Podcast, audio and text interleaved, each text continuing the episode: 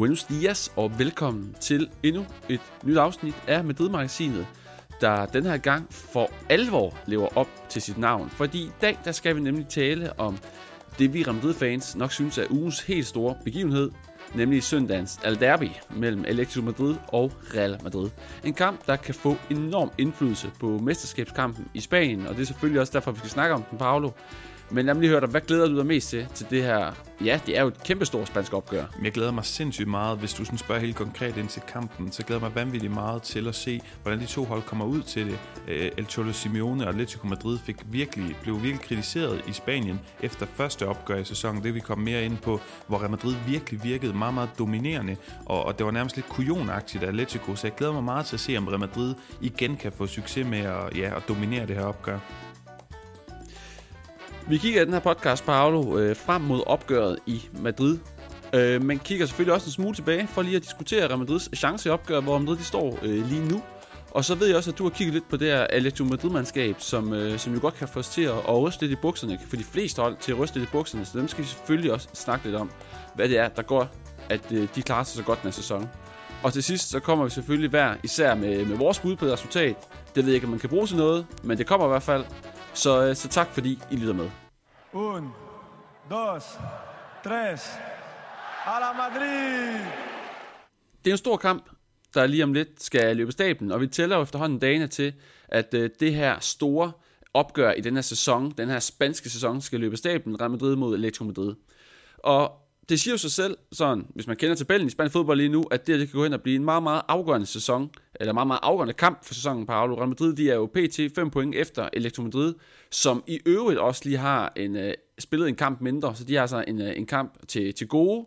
Så det siger sig selv, hvis Real Madrid de ikke skal falde langt bagud igen i forhold til Atletico Madrid, jamen så, så skal der vel faktisk bare helt sort-hvidt en sejr til. Ja, det er du fuldstændig ret i. Man kan sige, hvis ikke man får den her sejr, hvis det bliver uafgjort, jamen så er det 5 point, som du siger, potentielt 8 point, og det er for meget mod et solidt Atletico Madrid-hold, til man tør tro på at, at kunne komme igen, og, og skulle det værste ske, Nikolaj, man taber, så er det 8 point, potentielt 11 point, du er bagud, og så kan man sige farvel til mm. den her La Liga-sæson. Så det er en kamp med en kæmpe betydning, øh, en, og, du, og du ridsede det egentlig fint op her. En anden ting, man, man lige skal have med, det er jo, at det er de interne opgør, som betyder øh, mest i Spanien, Spanien. Altså normalt så afgør man ved pointlighed i en liga, det skal i hvert fald tit rundt omkring i Europa, på bedst målscore, men i Spanien, der er det altså lidt gammeldags. Der er det altså de interne opgør mod de hold, som, som eventuelt ville ende af point. Og vi er jo foran mm. 2-0 for det første opgør mod, øh, mod, mod Atletico Madrid i sæsonen. Og La Liga afgøres jo så på de indbyrdes resultater, så hvis nu, at vi øh, måske taber mod Atletico Madrid på, på lørdag, men gør det med mindre end to mål, og vi så ender på lige antal point efter 28 runder med Atletico Madrid, så har vi altså en fordel, og så vil vi altså i det hypotetiske scenarie vinde ligaen. Og det vil øh, i øvrigt også gælde mod Barcelona, hvor vi også vandt 3-1, så man kan sige, første turneringshalvdel, der gjorde det i hvert fald godt mod de her store hold. Ja, lige præcis, lige præcis, Paolo. Man kan sige, ja, altså, vi, vi skal jo ikke tabe den her kamp, men det er dejligt, at du kan finde en lille trøst, at hvis vi taber 1-0, så er, det, så er der en lille trøst i, i hvert fald at vundet det interne opgør. Og det kan være, at, at vi får brug for det. Men øh, der skal en sejr til. Og vi har jo bevist, Paul, som du er inde på, at, at i den første halvdel af sæsonen, der klarede vi det godt. Altså, vi har slået Barcelona, vi har slået Atletico Madrid, vi har vundet de her store, afgørende øh, kampe mod de store hold, og har en god resultat af baghånden. Men spørgsmålet er jo så, sådan som det er nu, vi har set en Atletico Madrid, der, der er foran, der virkelig øh, øh har kørt derud af, om vi kan gøre det igen. Altså kan vi slå Atletico Madrid igen? Kan vi bringe, bringe spændingen tilbage i mesterskabskampen? Og der tror jeg jo lidt, jeg ved ikke, hvordan du sidder her, Paolo, men der er jo i hvert fald lidt hæmmet af den seneste kamp her, hvor vi havde øh, mod Real Sociedad i den spanske liga, hvor det blev til en 1-1 med et, øh, et vigtigt mål til sidst af Vinicius, og Versa tabt to meget vigtige point. Efter en kamp, så sidder jeg lidt med fornemmelsen af, at Real Madrid, de går meget svage ind til det her opgør, men jeg ved også, at hvis man kigger på Elektro Madrid og Real Madrids form, så fortæller det jo to vidt forskellige historier, og der kan vi måske hente noget, noget, noget optimisme. Ja, altså, og jeg er glad for, at du selv lige siger, at, at øh, din, kan man sige, pessimisme eller realisme lige nu er bygget meget på den seneste kamp. Fordi hvis man lige tillader sig at, at tage de seneste, for eksempel seks kampe med, så har Real Madrid så vundet fem sejre, inklusive det her sindssygt vigtige opgør mod Atalanta i Champions League, og så den uafgjorte mod Real Sociedad senest. Så altså en, en virkelig pæn formkurve de seneste seks kampe, hvor at Atletico Madrid til sammenligning i de seneste seks kampe kun har vundet to gange og så to uger gjorde det, og, og hele to nederlag. Så på den måde kan man sige et, et lidt mere sigende billede over den seneste måneds tid, vil jo sige, mm. at Real Madrid øh, de, de, de får sejrene, de, de får tre point ad gang, hvor Atletico Madrid halter og skrænter en smule lige nu, sådan helt, hvis man skal, hvis man skal opsummere det overfladisk. Ja, jamen enig, enig, og, og det positive, man kan hive ud af det der, altså nu, nu tager vi de seneste seks kampe, og man kan jo egentlig sige, at, at man skal kigge på en hel sæson selvfølgelig, og der er en grund til, at Atletico Madrid ligger nummer et, men Real Madrid har jo bevist, og det er jo også det, vi lige har snakket om, altså de har slået Barcelona før, i den her sæson, de har slået Atletico Madrid før, nu hiver de også øh, i hiver sving en 1-0 hjem over, at Atalanta viser jo, at i de afgørende kampe, der er de gode, og så må vi jo så bare sande, at det her Atletico Madrid-hold, som har set så uhyre giftige ud, jamen de har bare den seneste måned, Paolo, bevis med to sejre, to uger og to nederlag, at, at de er altså til at, til at snakke med, og det er også muligt efterhånden at score et par mål på, på dem. Og det er jo ikke fordi, at Real Madrid scorer mange af dem, men der er så nogle muligheder her. Men når vi nu snakker Real Madrid, Paolo, så lad os lige vende blikket indad, fordi vi skal selvfølgelig, ikke, øh, vi skal selvfølgelig primært lige fokusere øjnene på Real Madrid. Fem sejre, seks opgør, det er ren statistik, det er flot, og det er jo øh, mange point, det kan vi godt lide. Men jeg ved jo, at vi begge to, og det ved jeg også, er kendetegnende for mange andre Real fans derude, vi er jo ikke blown away af det her spil. Vi har været ramt af skader, det har sat sine spor, men jeg vi lige prøve at gøre, gøre en status, Paolo. Hvor, hvor står Real Madrid lige henne lige nu, sådan rent Formmæssigt, men også sådan rent skadesmæssigt. Jamen altså, formmæssigt, som du siger, vi står godt. Det er en af de bedre perioder i sæsonen i forhold til form, i forhold til at få vundet sine kampe. Og man må sige, selvfølgelig er det hele præget, ja, både af det her corona-sammenpressede øh, kampprogram, mange kampe, og deraf kan man spekulere i, hvorfor vi har så mange skader. Men man må også bare sige, at det her run, vi har haft på det seneste, det lugter. Det er i hvert fald mange i spansk presse, der gerne vil sammenligne det, hive det op og sammenligne det med det sidste run, man havde efter corona-lockdown, hen mod slutningen af mm. sidste sæson. Det var 11 kampe, 10 sejre, et neder, eller en uafgjort, men det var mod Leganes, hvor at ligaen alligevel var vundet. Og det, der var kendetegnende, var, ja, for at være helt ærlig, og, og rygdækning, en gang imellem nogle dommer øh, skøn, som, som gik lidt i Real Madrids retning. Ikke decideret skandaløst, ja. men alligevel, der var noget held både fra dommers side, men også de rigtige afgørende situationer.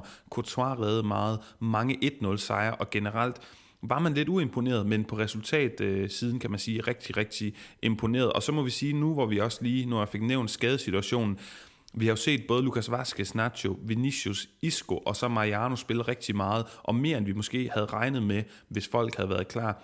Og, og der vil jeg i hvert fald fremhæve de her to Canteranos Real Madrid ungdomsprodukter, Nacho og Lucas Vazquez, for jeg synes, at de har været enormt stærke, som henholdsvis afløser for Carvajal på højre bak og, og Sergio Ramos i midterforsvaret. Det er fuldstændig inde i, Paolo, og, og du ved jo også, at, at, at Nacho han har jo en stor brik i, øh, eller stor, hvad skal man sige, der er stor kærlighed for ham i den her, i den her podcast, så, så det er dejligt at se, at han lykkes. Men, men når, de andre, når der er nogen, der lykkes, Paolo, så er der også nogen, der fejler, og, og, og, og selvom der er kommet mange på, point på kontoen, så så må vi jo bare sige, at nogle af de her reserver, vi har set, og her snakker jeg ikke Hugo Dudu og, og Libas, fordi de kommer bare ind og kan jo stort set kun overraske, men nogle af de her navne, som vi havde regnet med, ligesom tager skridtet op, når vi nu har så mange skader, der, der må jeg jo sige, Paolo, jeg ved ikke, hvad din fornemmelse er, der sidder jeg tilbage med en dårlig fornemmelse, øh, når vi snakker Mariano, Isco og så videre. Jeg er fuldstændig enig, og jeg bliver nødt til lige at færdiggøre, at, at jeg synes, Nacho har været fuldstændig fantastisk. Altså, man, man savner nærmest ikke Sergio Ramos, og det er bare lige for at give ham den, den kado, han øh, fortjener. Hvis vi skal, hvis vi skal tage de negative, øh, negative briller på, Vinicius, som jeg ellers har været kæmpe fortaler for, og jeg vil ham så gerne. Jeg tror nærmest, det er den spiller på det her hold, jeg, jeg ønsker mest succes, men han har ikke fået cementeret sin plads øh, på den her venstre kant i, i ja, blandt andet Azars fravær, og egentlig også øh, Rodrigos. Mariano har jo heller ikke vist, hvorfor, hvorfor han bør spille noget mere end, end Benzema. Og så er der Isco, som mm. jo har spillet de seneste to kampe med Nikolaj, og han er jo en af, en af vores favorit samtalepunkter, i hvert fald dig og mig imellem privat. Ja, altså, oh. hvad, hvad skal vi lægge i, synes du, at han har spillet de her to kampe på det seneste? Synes du overhovedet, at han har været god? Nej, men jeg synes, han har været, jeg synes, han har været elendig. Altså, det synes jeg helt ærligt. Um, det er også fordi, men det er jo også, det er jo også altså, det, jeg, jeg, ser meget subjektivt på det, og der er mange, det er mange sæsoner siden, jeg sidst brød mig om Isco. Jeg kan godt lide mennesket Isco, men jeg kan ikke lide øh, fodboldspilleren Isco. Han er en luksus fodboldspiller. Hvis der, må være, hvis der må være 12 spillere på banen, så er det fint med Isco. men jeg synes bare, at, at, at, at det, jeg har set igen, det er bare, jeg synes, vi mister noget, noget vi mister en defensiv mand, som man ligesom fuldstændig hiver ud, for du har bare noget Isco der, og så bidrager han ikke med den fart eller kreativitet, der skal til. Vi skal have ham op på den sidste tredje del af banen, nærmest helt foran feltet, før jeg synes, at han er, er, er en trussel. Så jeg synes ikke, at, at, at, at Isco har bevist, heller ikke den her gang, at han ligesom er er andet end bare en, øh, en fin bænkespiller. Men vi bliver nødt til at forholde os til, at selvom han ikke har været god, det er jeg egentlig enig med dig i, så han heller ikke, han er ikke faldet ud, og jeg synes, der er for eksempel Vinicius har, har, har altså der har været en, en stemning om, okay, Isco kommer fra ingenting, øh, og har været nærmest ja. ligegyldig af sæson, hvor man tænker, at nu er der rygter, man skal væk. Han har spillet sin, sin, sine sidste kampe, i hvert fald afgørende kampe for Madrid, og så spiller han altså øh, for første gang i sæsonen to kampe fra streg, og det er mod Atalanta, Real der er vigtige kampe. Øh, jeg synes, han giver noget anderledes til holdet, og det er egentlig ikke for at rose ham frygtelig meget, og måske er det blot, fordi han er den eneste midtbanespiller fra førsteårstruppen, som har været klar, og som man så har kunne bruge for også at give holdet et andet udtryk. Altså, du siger, at han er ikke god defensivt, det er jeg egentlig enig med dig i, men man kan spekulere i, at han giver noget defensivt i forbindelse med, at han kan gå ned på midtbanen og holde på bolden, og vi kan jo komme lidt mere tilbage til, om vi tror, at øh, Zidane går med en ekstra midtbanespiller, når vi skal, når vi skal prøve at komme med bud på, mm, mm. på resultater. Men det er egentlig bare det, Nikolaj. Lad os, tage, lad os tage de positive briller på igen, for jeg synes faktisk, at at som jeg også har været inde på, at de seneste par kampe har vist, at Zidane, og det kan han bare nogle gange i de vigtige perioder, samle holdet op og rent pointmæssigt levere noget, noget stabilt, noget imponerende. Og så skal vi have med, at det er en sindssygt svær periode, hvor vi har haft rekord mange skader, uden at, øh, at stå på mål for det, så tror jeg måske, vi har været det hold i Europa, i hvert fald af topholdene, der har været allermest ja. ramt af skader. Det er rigtigt, altså Paolo, man, man skal jo måle, altså, og det er jo altid været diskussion, og sådan har det jo været i mange år med Zidane. Altså, der er jo aldrig nogen, der har sagt, at, at Zidane som træner har spillet det, det smukkeste fodbold, vi kan huske, at Madrid har spillet de sidste 20 år. Men han har jo hævet titlerne hjem, og han har jo også hævet pointene hjem, som vi også så i foråret, når der er brug for det, og det evner han jo. Så rent pointmæssigt, der er fuldstændig ret, ret i din analyse. Altså, han får hævet os op, hvor vi siger, at de sidste seks kampe, hvis vi kigger på dem, jamen der er vi jo sådan set, jeg ved godt, at Atalanta ikke tæller som tre point, men der er vi jo så hævet, øh, hævet 15 point hjem ud af 18 mulige. Og det er jo bare altså, stærkt, når man netop ser på de her skader. Og så er der jo det her, hvis man også skal tage noget positivt med for de her seks kampe, Paolo. Øh, ja, Vinicius scorer til allersidst. Vi er efter Isco, vi er efter Mariano, vi er efter de offensive kræfter. Men vi er også lige Ros og Vasquez. Og situationen er jo bare den, Paolo, at hvis du går ind og kigger til tabellen, så har vi af en eller anden grund, jeg ikke kan forklare dig, men der er nok flere, kun indkasseret to mål i de sidste seks øh, kampe. Og det er jo interessant, øh, ved jeg. I hvert fald, Paolo, for du er inde og kigge på Electro Madrids kampe, der er det jo lidt noget andet. Et Electro Madrid-hold, som vi jo er vant til bare siger, hertil og ikke længere. Ja, præcis, og, og de har været altså, jeg, langt, langt inde i efteråret, der snakker man om, at det var med længder det bedste, og vi kender det, som du siger, med Thioli Simeone igennem de sidste næsten 10 år, for at være så god defensiv. Det var så overdrevet, at langt ind i efterårssæsonen, der havde de lukket tre mål ind, eller sådan et eller andet i La Liga. Det var fuldstændig vanvittigt. Det er så begyndt at være mere skrøbeligt på det sidste, og de har lukket syv mål ind i deres seneste seks kampe. Så lige pludselig står man og snakker om, at det måske er Real Madrid, der er bedst defensivt. Et par forklar altså for mm. det første, så nævnte det her med, at i Spanien sammenligner man Real Madrid, hvor de er lige nu, med der, hvor de var post-corona i, i starten af sommeren øh, 2020, og det var jo også den her solide defensiv. Det var nok at vinde 1-0 eller 2-1, fordi man lukkede ikke særlig mange mål ind. Courtois har været god, vi har snakket Lucas øh, Vasquez og, og Nacho, men de hjælper selvfølgelig på det, og, og selvfølgelig Varane. Men det er jo også midtbanen, fordi hvis der er et sted, ja. en kæde i Real Madrid, der har spillet fantastisk næste sæson, så er det midtbanen. Og de lugter, altså Modric ligner en, der er 10 år yngre, end han i virkeligheden er. Kroos er sit altid kalkuleret jeg, og Casemiro ligger der og rydder op, og kan egentlig også score mål. De har været sindssygt gode, og det er jo ikke kun det, at de hjælper defensivt, det er jo egentlig primært, at Casemiro gør det. Det der med, at de er så gode til at kontrollere kampene, og det siger sig selv, har du kontrol over en kamp, jamen så er det sværere at score mål imod dig. Uden tvivl, uden tvivl. Men det er jo bare, det er jo bare en vild statistik, bare lige frem. Altså, det er jo bare for at sige, hvis der er noget positivt, Paul, du er inde på det der stadig en stærk midtbane, og så det med, at man kun har indkasseret to mål i de sidste seks kampe, det er jo to udmærkede målmænd, som skal på banen her, her i weekenden. Og, og der må vi jo bare sige, lige nu der har vi måske bare den varmeste. Altså sådan, hvis man kigger på det, han har godt nok stået godt, og det er jo positivt at tage med, fordi at vi, man kunne jo forestille sig, at det her det bliver en kamp, hvor det handler om at få det ene mål, og så er det måske det ene mål, der afgør det. Det, er jo, det, er jo, det får vi jo se, Paolo.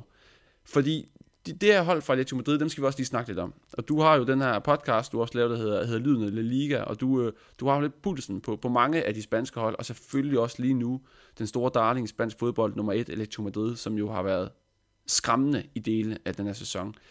Så når vi nu er ved de her evige byrivaler fra, fra Atletico Madrid, Paolo, så, så, så ved jeg, at vi har et par ting, som, øh, som vi lige skal igennem. Kan du ikke fortælle lidt om, hvad, hvad, der, hvad der fungerer hos dem, Paolo, fordi jeg præsenterede for dig i den her podcast, der sagde jeg jo, at sidste sæson, der sluttede Atletico Madrid 17 point efter Real Madrid. 17 point. Og nu ligger de altså og har fået nogle nye spillere, og der er noget, der fungerer for dem. Hvad er det, der er forskellen på det, Atletico Madrid-hold, vi ser den her sæson, Paolo, og så, så, så det, vi så, øh, så sidste sæson. Jamen, de har faktisk udviklet sig lidt, Nikolaj, og det er ikke engang fordi, at det her det er Madrid-magasinet, og det er en Real Madrid-podcast, at jeg siger det her, men jeg synes, udviklingen skal ses i lyset af to tid, tidligere Real Madrid-Castilla-spillere, øh, altså ungdomsprodukter, nemlig Mario Hermoso og, og Marcos Llorente. Mario Hermoso, som er den her midterforsvar, som Atletico Madrid hentede forud for sidste sæson, fra Espanyol, som er venstrebenet og egentlig også kan agere venstreback. Og Simeone havde svært ved at implementere ham på holdet øh, i sidste sæson. I den her sæson er det gået meget bedre, og han har faktisk lavet om til sådan et tremandsforsvar med, med wingbacks, hvor at Mario Hermoso, han spiller den venstre midterforsvar, sindssygt god på bolden, virkelig taget øh, ansvar, blevet en ledende skikkelse og en af de bedste forsvarsspillere i hele Europa. Og øh, det gør, at, at, øh, at den, ja, den bliver sådan lidt asymmetrisk, men det betyder, at Kieran Trippier, der er en af de allerbedste højre backs, som er, ligger på højre wingback, han har ikke kunne være med på grund af en mærkelig bettingdom i 10 kampe i streg, og hvornår får han så lige præcis lov at være med igen? Ja, I gættede det. Det var mm. mod Real Madrid. Hvorfor nævner jeg ham? Det gør jeg, fordi at han spiller øh, højre wingback, og foran sig på midtbanen til at løbe ned i bagrummet og drille, fordi han er så vanvittigt fysisk. Det er Marco Llorente, som heller ikke i, i hvert fald starten af hans Atletico Madrid-tid kunne slå sig fast. Vi kender ham jo i Real Madrid som defensiv midtbane, men det kan jeg så godt glemme øh, i, i weekendens kampe, ja, fordi ja. ham der, han fyser afsted. Han er offensivt fuldstændig vanvittig, scorer masser af mål. Jeg tror, han er den, der har lavet flest assist på det Atletico Madrid-hold. Og lige så snart mm. Kieran Trippier er tilbage, så skal han stoppe med at spille. Han har, han har vikarieret lidt på højre bak. Så kommer han til at ligge oppe i det her højre halvrum og drille, ja faktisk Nacho, men de bliver der rigtig meget. Det bliver en sindssygt spændende duel. Og til allersidst, så er det klart, at Luis Suarez, han har jo været uhyggelig 16 mål i La Liga. Han er vise topscorer.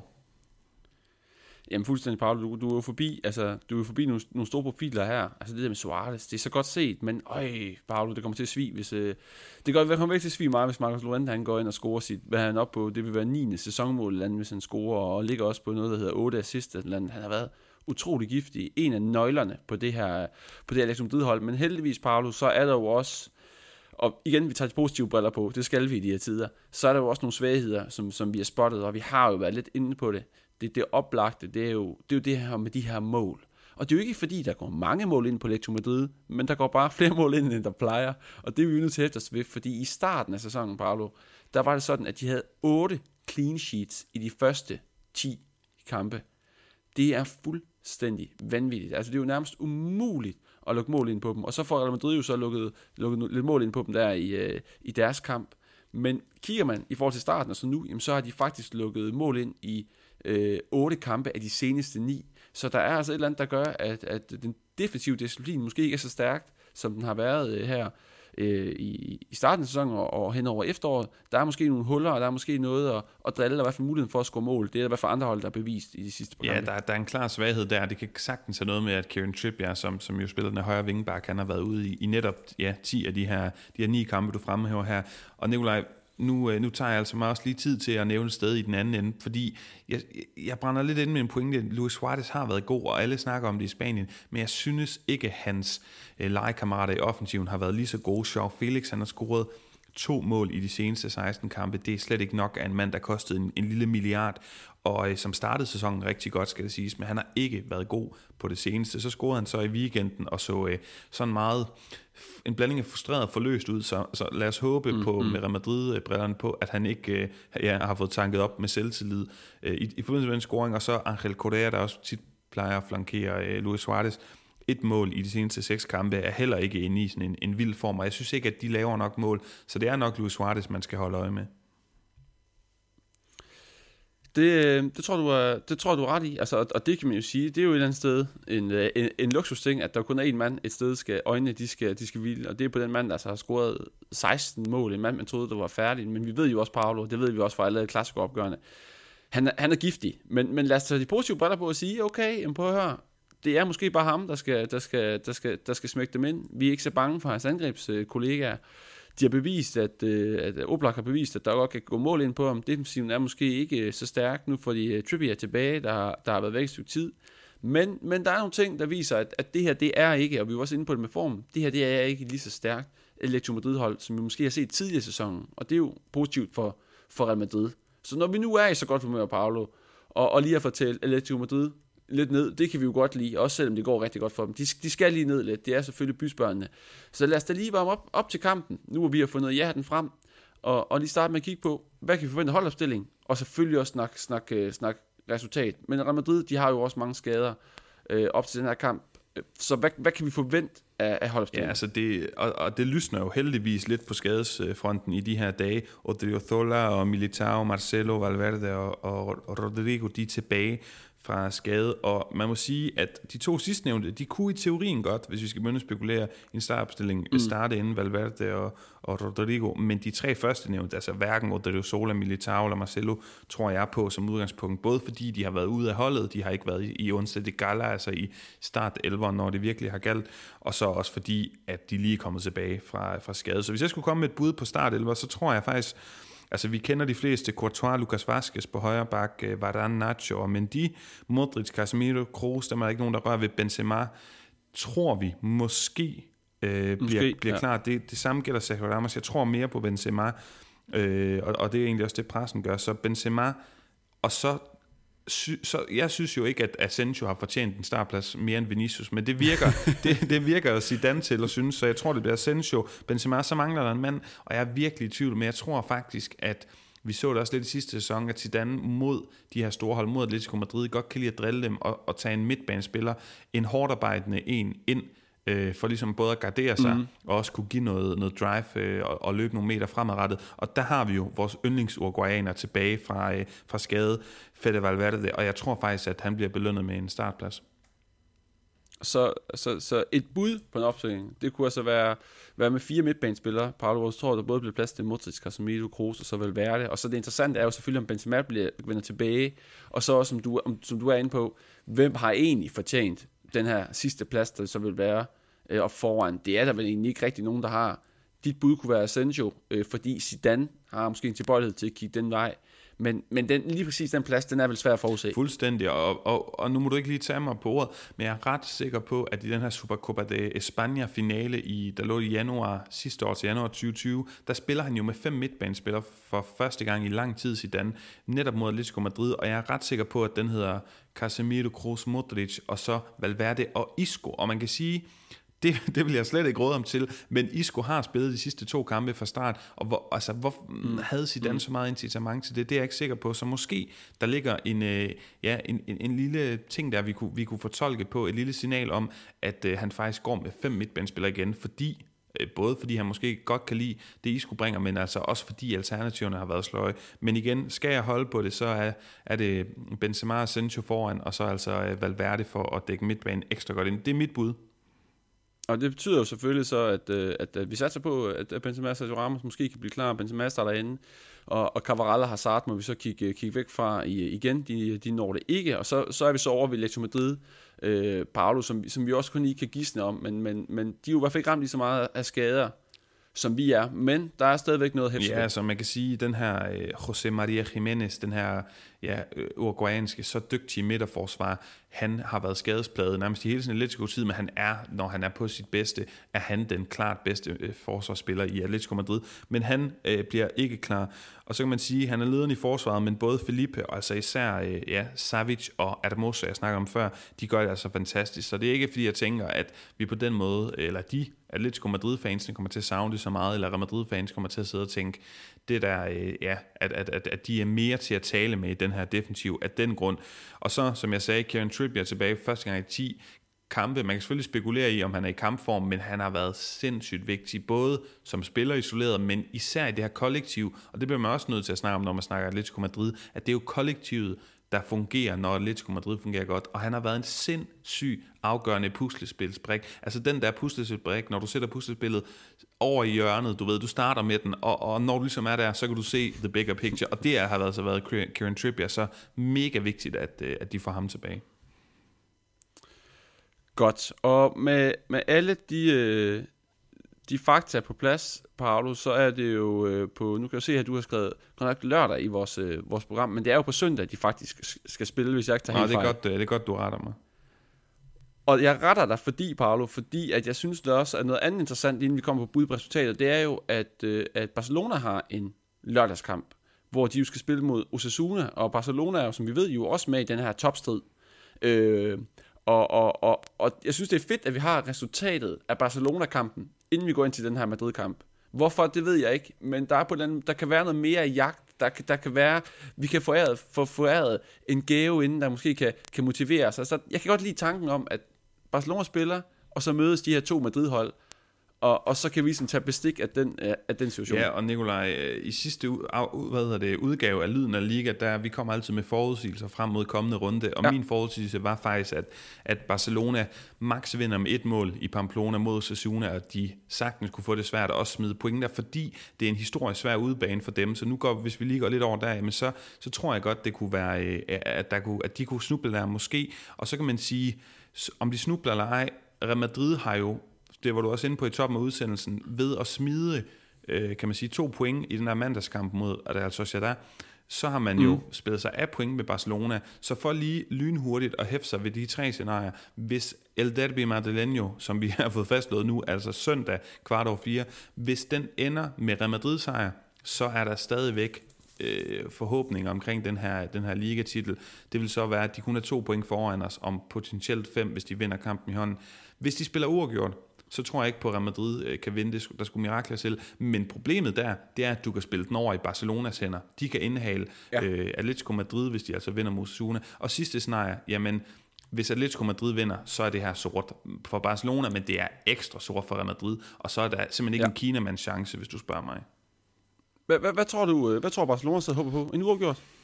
Hmm, det, det er et vanvittigt godt spørgsmål. Ej, jeg tror alligevel, de tænker, at de håber på en Real Madrid-sejr, fordi så kan de øh, hale endnu mere ind på, på Atletico Madrid, og så er der El Clasico øh, tilbage, hvor, at, hvor de potentielt øh, vil, kunne, øh, ja, vil, vil kunne drille Real Madrid, og så på en eller anden måde ikke have det i egne hænder helt, men i hvert fald rimelig meget i forhold til også at få koblet, øh, koblet Real Madrid af. Ja, men det, det er interessant. Det er ikke sikkert, at de vil give de samme svar, hvis du, hvis du spurgte dem øh, direkte. Men de har, de har jo også sit og bøvle med dernede lige nu, så det, der er meget andet fokus på, fokus på. Det er herligt. Nå, men Paolo, altså Barcelona øh, lørdag, og så det her El Derby om, om, om søndagen, og så, så skal vi jo have et bud på, på et resultat, og der er spørgsmålet, hvem der ligesom øh, ligger for. Ja, og, og du, du plejer jo altid at være god til at stille mig spørgsmål, men nu griber jeg altså mikrofonen og spørger dig, også fordi jeg kan huske, da vi, øh, da vi lavede den her mere mandsopdækning af nærmest hver kamp i de her sidste 11 kampe øh, efter corona-lockdown i Spanien ja. der i, i, i sidste sommer, da Real Madrid vandt ligaen, jamen der var du bare tit, jeg synes, du lænede dig op af mine svar, så nu vil jeg se, om jeg måske skal finde inspiration hos dig. Jeg, jeg har dog et, øh, et svar øh, øh, skrevet ned, men lad os lige prøve at høre, hvad du siger. Bud på resultat øh, søndag 16-15. Ja. ja, mit bud på resultat, det bliver, jeg, jeg tror simpelthen bare, det er en 1 1 øh, Jeg ønsker, at kunne sige 1-0, men jeg tror bare, det er en 1 1 Få mål. En, en vild kamp, en hård kamp, tror jeg, det, tror jeg, det bliver. Og så er jeg bare nødt til at, at, at kalde det mest kontroversielle, jeg kan kalde det, er simpelthen, at, at, at Vinny han scorer igen, anden kampstreg. Okay. Et et mål af Vinny. det bliver du nødt til at uddybe på en eller anden måde. Altså, det, det, bliver jo næsten, det må være et afrettet mål, fordi han kan nærmest ikke score andet jo. det kan jeg ikke udelukke. Det kan jeg ikke udelukke. Det, det bliver mål, der skulle være gået til Toni Kroos. Men, men, øh, men, men altså, Vinny han, Vinny han gør et eller andet. Vi så det også mod Barcelona. Han skal nok få, få, få tryllet et eller andet frem, når vi er mest men Nu, så vi, kom, vi kommer til at komme bagud, og så kommer Vinny. Men nu smed jeg jo startopstilling, øh, i hvert fald hvad jeg tænkte. Altså, tror du, han starter ind, eller, eller hvad for bænken? Vinny kommer ind for bænken. Okay.